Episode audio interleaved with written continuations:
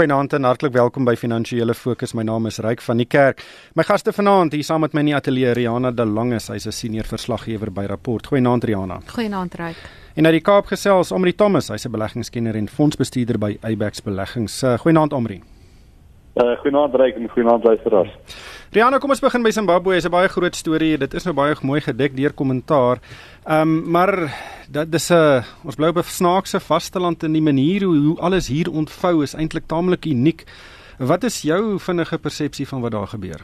Ja, kyk, ek dink net ehm um, ek voel altyd dis nie noodwendig goed as die mense wat die gewere vashou in beheer van dinge is nie, maar mense weet nie presies wat daar aangaan nie. Ek weet ons het nou baie goed gelees, maar dan sê hulle die persoon, een van die ministers weet hulle glad nie waar hy is nie. Ons het nou gesien ehm um, Mugabe het nou inderdaad bedank en so aan, maar ek dink dinge is baie vloeibaar nog daar. Daar kan vreeslik baie dinge verander in die volgende paar paar weke en ek dink dit is ook waar die hele vraag inkom oor wat gaan met hulle ekonomie gebeur. Jy weet, wat is die soort van goed wat dalk vinnig reg kan kom as daar 'n standvastigheid kom en wat is die dinge wat dalk langer sal vat? Jy weet, ja, 'n land wat wat eens die um, broodmandjie was van Afrika soos mense dit noem en nou is daar voedseltekort en alles. Jy weet, dit is tog as al verandering kom, moet dit eers te verander. Ja, omre die ekonomie vir alle praktiese doeleindes is dood. Ehm um, weet ons het nou met hierdie ontwik ontwikkelings gesien dat Bitcoin verkope in Zimbabwe nou ook uh, hoogtes bereik het. Uh dink jy weet mens nou regtig nog baie vroeg in hierdie hele proses, maar dink jy daar kan 'n vinnige omkeer kom in die uh, Zimbabwe se ekonomie? Ryk, uh, ek dink wat dit moeilik maak is is die persone wat nou genoem word wat wat gaan oorneem by by Mugabe. Ehm um, is al 30 jaar basies sy tweede bevel gewees. So ehm um, mens kan nou dit alles op Mugabe blameer, maar ek dink die hele ZADPF ehm um, was oor die oor die jare maar aandadig aan aan aan die uh, ekonomiese verbrokkeling wat ons gesien het in Zimbabwe. So ek dink vir die Zimbabwese mense is dit is dit 'n bevryding om net te sien Mugabe is nie meer daar nie en veral ek dink hulle was veral bekommerd oor Grace Mugabe en en en wat sy impak wat sy gaan hê uh, op die ekonomie. Ehm um, die wat wat wat baie uh hartseer is is as mens hoor dat dit iewers tussen 4 en 6 miljard uh, dollar is wat die Mugabe's oor die jare uit Zimbabwe uitgeplunder het en dit is 'n land wat in wat in armoede leef en 'n mense wat regtig onder die broodlyn leef en, en sukkel om 'n bestaan te maak. So ek dink om hom uit te kry is is is is positief, maar ek dink ons gaan dit met fyn oë moet dophou om te sien of daar werklik verandering uh, plaasvind in Zimbabwe. Ehm um, ek dink van van sy neem oogpunt af gaan dit positief wees en dit gaan dalk bietjie lei tot weer 'n uh, uh, uh, buitelandse investering. Ehm um, so mens maar gaan ons sien wat die, wat is die die uh, uh beleide wat hulle nou aankondig uh, as as Mugabe nie meer daar is.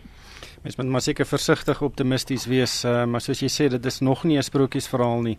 Ehm um, Mariana vroeg uh, vir hierdie week um, het uh, Michael Sachs uit die tesorie bedank. Hy is natuurlik nou betrokke gewees by die begrotingsproses en skynbaar omdat die presidentsie ingemeng het en hulle het 40 miljard rand gesoek om tersiêre onderrig of hoër onderwys uh daai hele program deur te druk. Uh, Weereens, ehm um, dit is nie lekker om hierdie tipe dinge te hoor nie en en dis nog baie baie goeie vaardighede wat by die tesorie se voordeur uitloop.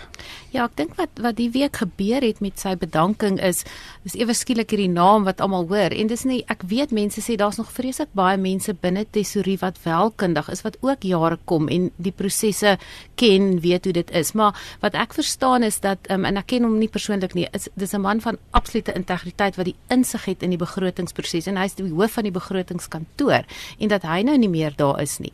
En jy weet as jy dink kort nadat minister Malusi Gigaba aangestel is by finansies, um, het ons van die vorige DG Fusile het gegaan en ek dink net dit is hoë posisies. So mense kan bekommerd wees en um, in 'n mate die versigtiging wat ek hoor daar buite is dat is hoe in hoe mate weet ons is tesorie gekaap met die feit dat sulke mense dan die tesorie verlaat. So dis nie dat alle kundigheid verlore is nie, maar die die sleutelposisies en dit is iets wat mense bekommer en ek weet nie ons gaan dalk bietjie oor die kredietgraderingsagentskappe gesels, maar dit behoort ook vir hulle ligte te laat flikker. Wat presies is aan die gang by tesorie?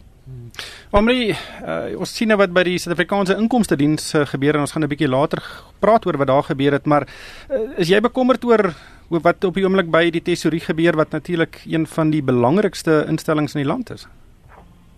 Uh ryk uh, absoluut. So as ons nou kyk uh, sedert uh, minister Gidaba oorgeneem het, So as mens nou kyk na die top 10 wat by tesorie was, van daai top 10 is daar nou al 4 wat weg is. Uh dit sluit in Michael Sachs wat nou soos jy al gesê was wat betrokke is by die begrotingsproses. Dit sluit ook natuurlik in Skalk Iman wat hoofaankoopsbeampte was wat hmm. een van die groot struikelblokke was ehm um, in, in een van die groot hekkies om om regtig uh grootskaalse korrupsie aan te kondig. Uh, Ligini uh, Fazile die direkteur-generaal en Andrew Donaldson. So as jy kyk net na tussen hierdie vier wat nou al weg is in die top 10, is dit gesamentlik 60 jaar se ondervinding in tesorie wat verlore gaan het. So dit is dit is 'n groot slag. Ehm um, nou daar is daar is nog eh, ehm uh, um, kundigheid oor, maar dit word heeltyd uh, verdun. So dit is dit is baie kommerwekkend en ek dink vir soos soos Rihanna gesê het vir vir die vir die uh, graderingsagentskappe moet dit groot rooi ligte wees uh, wat wat flikker. Ja, Kenneth Brown is ook natuurlik weg. Ehm um, Maar Kenneth Brown ook ja, ja. absoluut. Ehm um, maar kom ons gesels 'n bietjie oor die Suid-Afrikaanse inkomste diens. Uh, weet ons werk uh, in die internet media, so ons kan presies meet wat mense lees op die internet en ondanks hierdie geweldige gebeure hierdie afgelope week uh die bedanking van Michael Sachs en uh Bob Mugabe wat 'n bietjie pak slaag kry daar in Zimbabwe is die storie wat by verre die meeste gelees is Rihanna. Dis dat mense wag langer as gewoonlik vir hulle belasting um uh weer terugbetaling. Um, ja. en dit is lyk my is 'n baie groot probleem en en dit raak 'n geweldige hoeveelheid mense. Ja ek moet sê um belastingpraktisyns en ek praat van 'n breë breë groep mense. Jy weet um vroeër vanjaar jaar by die belasting en daaba wat jaarliks gehou word in Sandton was dit deurlopend die tema. Die frustrasie wat belastingpraktisyns ondervind met het sy of hulle klein besighede verteenwoordig of hulle met individue se belastingwerk al die probleme wat lê het by SARS om terugbetalings te kry. En 'n baie interessante ding wat van die mense vir my gesê het is aan die begin van die belastingseisoen ek dink in Julie Augustus het dit nog redelik goed gegaan. Soos jy toe op die lys was om geld terug te kry was jy gelukkig. En van toe af was daar net 'n ongelooflike vertraging. Daar's mense wat 'n jaar wag. Daar's mense wat 42 dae wag wat net ewe skielik gewone salaristrekkers wat geen ingewikkelde opgawes hoef um in te dien nie. Jy weet dis jou gewone mediese goeds alles staan op die ERP5 en daai mense se goed word net weer en weer nagegaan voordat hulle terugbetalings gedoen word. So erg is dit dat mense sê verlede jaar die tyd was kon hulle sê omtrent 20% van die mense word dan um weer na gekyk of geaudit en dit het nou opgegaan tot iets soos 80%. Nou wat die belastingpraktisyns vrees is ehm um, waarvoor koop SARS hierdie tyd? Het hulle daai geld nodig om die rekening te lê tot tyd en wyl? En dan die ander ding is ook dat as jy ehm, 'n um, uh, onderneming is en jy jy moet tot op die sent na moet jy betaal. Ons het verlede week storie en rapport gedra van iemand wat vir 49 sent na die regsdepartement verwys is. Nou jy weet dit klink 'n bietjie desperaat vir my. Hmm. Omri, ek weet jy's 'n uh, agter mekaar kerel en uh, jy het seker al lank al jou opgawe ingedien. Wat was jou ervaring? uh, ryke dankie vir jou vertroue daarso. ek weet nie of dit uh, gegrond is nie, maar ek dink die groot groot uh, soos Rihanna sê is uh, uh, die inkomste diens is 'n is 'n is 'n diens van mense vertroue moet hê. Nou as ons kyk het na onder meer Manuel en onder meer Gordon, het die belasting uh ehm um, morele belasting las op die op die publiek ehm um, die die mense het betaal. Hulle het belasting betaal want hulle het, hulle het geglo dit gaan vir 'n goeie doel en dit is was goed aangewend, is baie effektief geweest. Maar ek dink nou met uh, meneer Mijane wat wat in meer is, uh, en sien ons daar's 'n daar's 'n tekort van oor die 50 miljard rand op die op die inkomste front. So ek dink die die na, belasting nakoming is definitief uh, verlaag um, en dit die laat uitbetaling help glad nie daarvoor nie. En dan lees ons natuurlik artikels soos soos ons president wat se belastingopgawes nie ingevul word nie en wat seker van sy belasting nie, eh, nie verklaar nie. Nou as as ons van die publiek verwag om dit te doen, sekerlik moet ons dit ook van ons president verwag en dan en dan die ander ding is net die aanwending van die belasting. Is hoe lank gaan ons ons staatsinstellings uh moet onderhou uh met groot verliese wat gemaak word oor al groot skaalse korrupsie. Ja. So ek kan verstaan dat die belastingpubliek ehm um, redelik uh, moeg raak vir vir uh, betaal en en die voel lekker waarde daarvoor nie.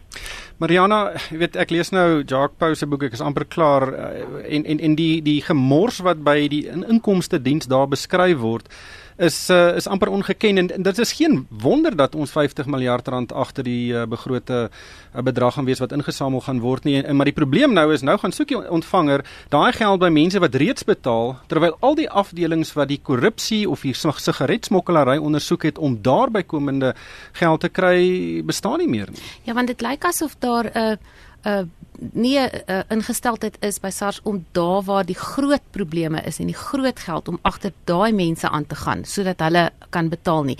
En wat ek net ook wil sê is in die uh, verlede jaar nog in die belastingseisoen onthou jy ons het sulke mooi advertensies in die koerante en op TV gesien van entrepreneurs wat hulle storie vertel en dan sê dit dis hoe SARS gehelp het om hierdie mense se besighede en dis die goeie goed waarvoor ons belastinggeld gebruik het. Hierdie jaar het ek al meer advertensies van die inkomste diens gesien wat sê betaal jou belasting en dan omtrent die tweede sin daarvan is dis 'n kriminele oortreding en moenie sorg dat jy nie um, laat is nie wat jy gaan beboet word 'n baie meer aggressiewe houding daar daar, jy weet en maar teenoor watter mense? Dit is die vraag. Ja, men ek dink baie mense wil ook nie belasting betaal nie soos wat Omri beskryf het, is omdat uh, daai geld word net gemors en in baie opsigte maak jy dan van gewone mense kriminele mense of ten minste word hulle so benader.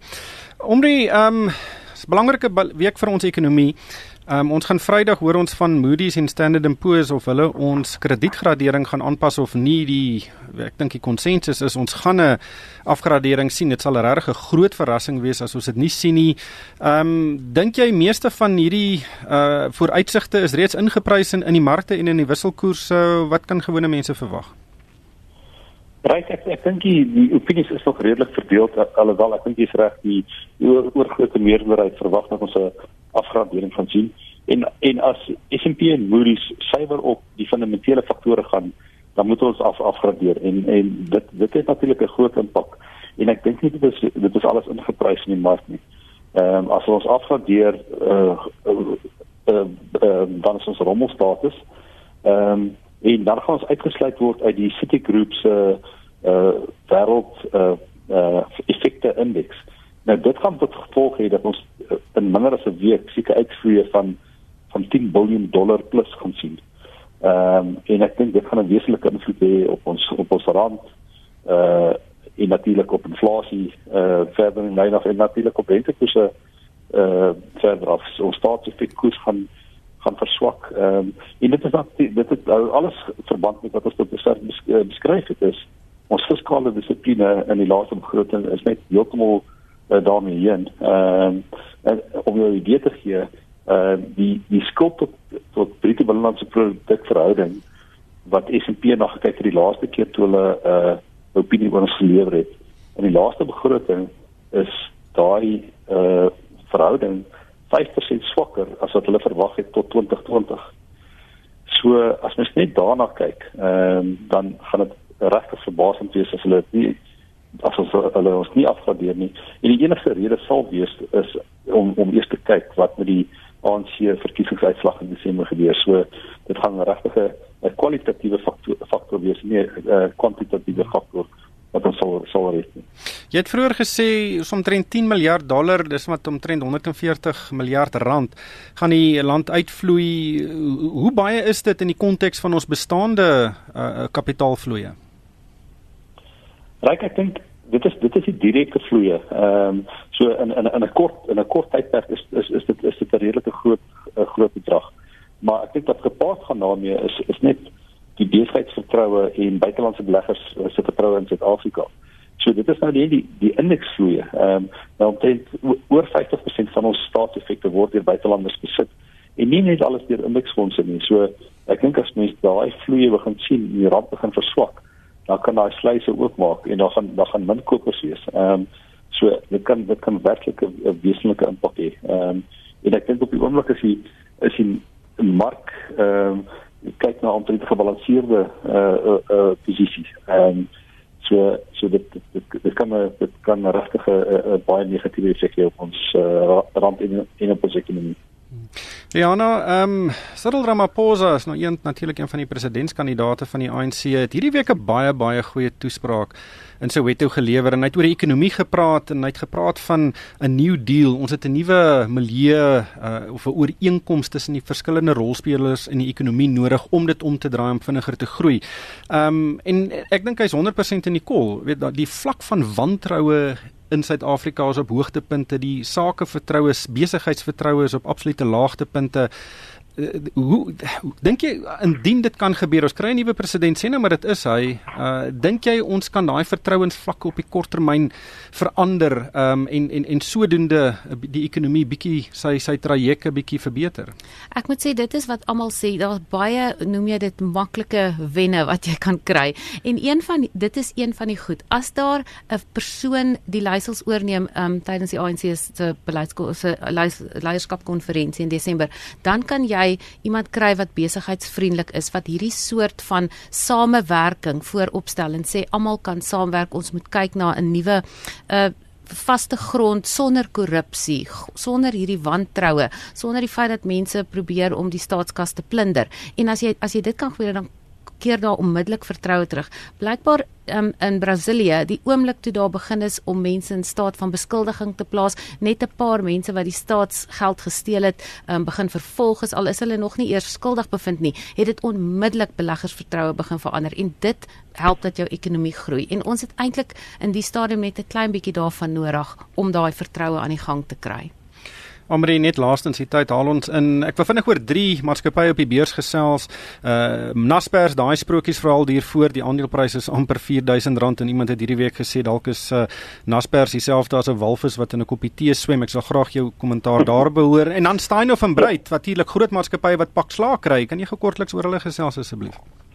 Ja, ryk ek ek dink vinnig oor oor Naspers ons nou oor baie donker goed gesels, maar dis regtig een van die ligpunte in Suid-Afrika. Ons nou dink wat dit toegevoeg het tot die pensioenfondsindustrie in Suid-Afrika oor die laaste 10 jaar. Ehm um, nou Naspers wat soos jy genoem het nader aan 4000 rand per aandeel verhandel, maar in ons opinie is is is die billike waarde van Naspers nader aan 6000 rand per aandeel.